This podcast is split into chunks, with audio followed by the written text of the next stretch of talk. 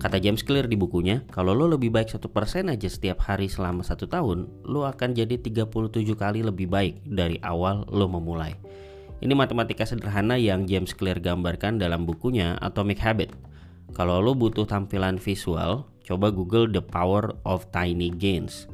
Maka lo akan melihat grafik matematika sederhana, di mana ketika kita melakukan peningkatan satu persen lebih baik setiap hari, yang disimbolkan dengan 1,01 pangkat 365 sebagai jumlah hari, maka hasilnya 37,78.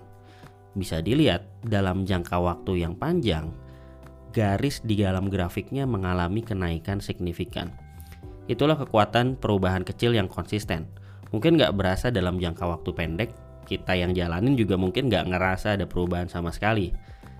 Tapi seiring waktu, perubahan kecil ini yang kemudian menggulung menjadi besar ketika aksi kecil yang mudah dieksekusi dilakukan disiplin setiap hari, maka kita akan mendapatkan perubahan yang besar seiring waktu nanti. So do small changes consistently.